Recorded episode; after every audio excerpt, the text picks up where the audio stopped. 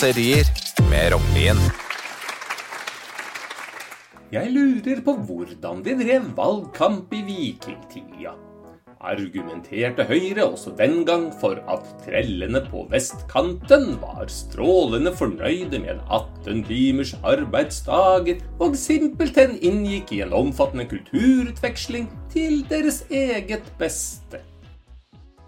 De mest ivrige på å dra hjem til folk i valgkampen er uten tvil Arbeiderpartiet. Også det er en arv fra vikingtida, for den gang fantes det ikke alternativ. Valgløgnene måtte bli overlevert ansikt til ansikt. Men det er mer som ikke har forandret seg. Også den gang bannet oppgitte vikinger høylytt når de åpnet døren og oppdaga hvem som sto utenfor. Også den gang foretrakk de om det hadde vært Jehovas vitner som kom for å plage dem. Dette førte til at Arbeiderpartiet sukret pillen og etter hvert tok med seg noen blomsterkvaster. Det spørs om røde roser er nok i år. Med dagens strøm- og matvarepriser kan det hende de bør ta med seg trygghetsalarm i stedet.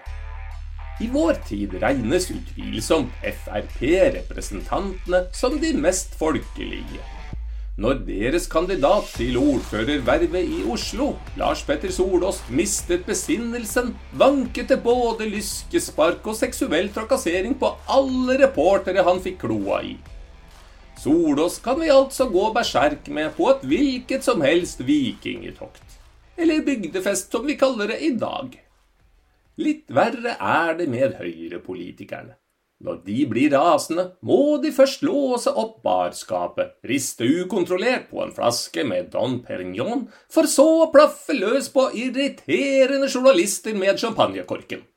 KrF-politikere er også i stand til å legge noen for hat. Da ulmer de av både raseri og forakt, og utelater fienden fra aftenbønnene.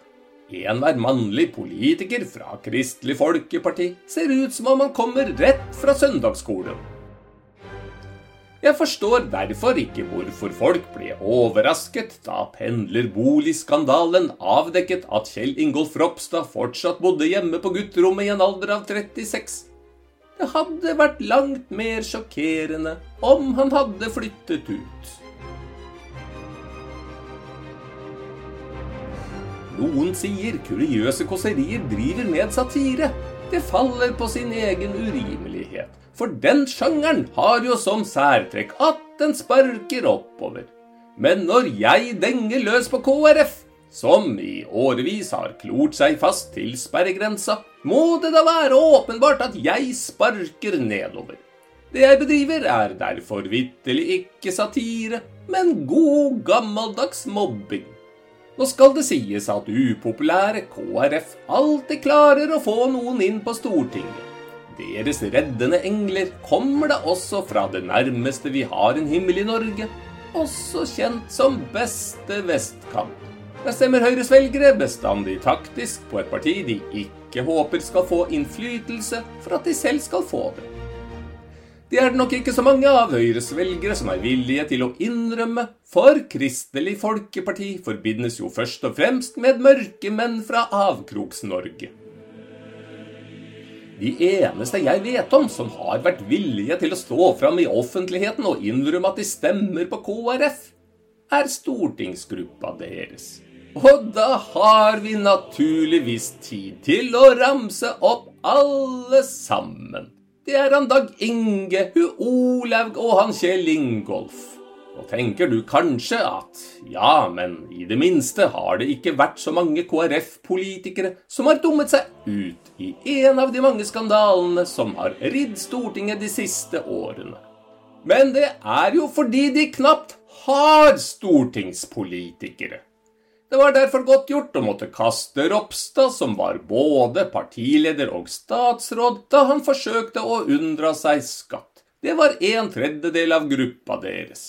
Kjell Ingolf ble rett og slett tatt med buksene nede. Og det er, som vi alle vet, en større synd i KrF enn i andre partier. Det er selvsagt uheldig, for det vil være en fordel for utryddingstruede KrF om deres partimedlemmer blir tatt med buksene nede litt oftere. Ikke bare vil det gjøre dem litt mer folkelige, det er også forbilledlig hvis flere tar partiansvar og gjør en innsats for fremtidig rekruttering. Slik sett fortjener Kjell Ingolf ros. Vi må jo tross alt huske at 99% av velgerne til Kristelig Folkeparti ikke lenger er forplantningsdyktige, og ikke har vært det siden tidlig på 70-tallet. Men vi våger likevel å gi Ropstad et lite tips på veien. Kuriøse kåserier har en mistanke om at det kanskje er mer egnede steder å sjarmere damene for en på nesten 40 enn hjemme hos mor og far på gutterommet. Som dere merker, er jeg storkjefta overfor Kristelig Folkeparti. Det kan hende jeg hadde vært mer forsiktig, hadde hatt den gærne Frp-eren Lars Petter Solås i hæla. Å fornærme KrF-velgere må derimot sies å være ganske så risikofritt. Det er flere år siden jeg var topptrent, men jeg klarer nå fortsatt å løpe fra sinna 90-åringer med gåstol. Nå er det en lokalvalg. Til våre nye landsmenn kan jeg informere om at det er et valg der lokale politikere havner i kommunestyret hvis den nasjonale partilederen er populær. Ingen elsker denne tiden så mye som lokalavisene. Da overstrømmer lokalpolitikerne dem med leserinnlegg, det ene mer kjedelig og intetsigende enn det andre. Da skjønner vi at det kanskje ikke er så dumt med journalister allikevel, som jo vet hvordan å formulere seg.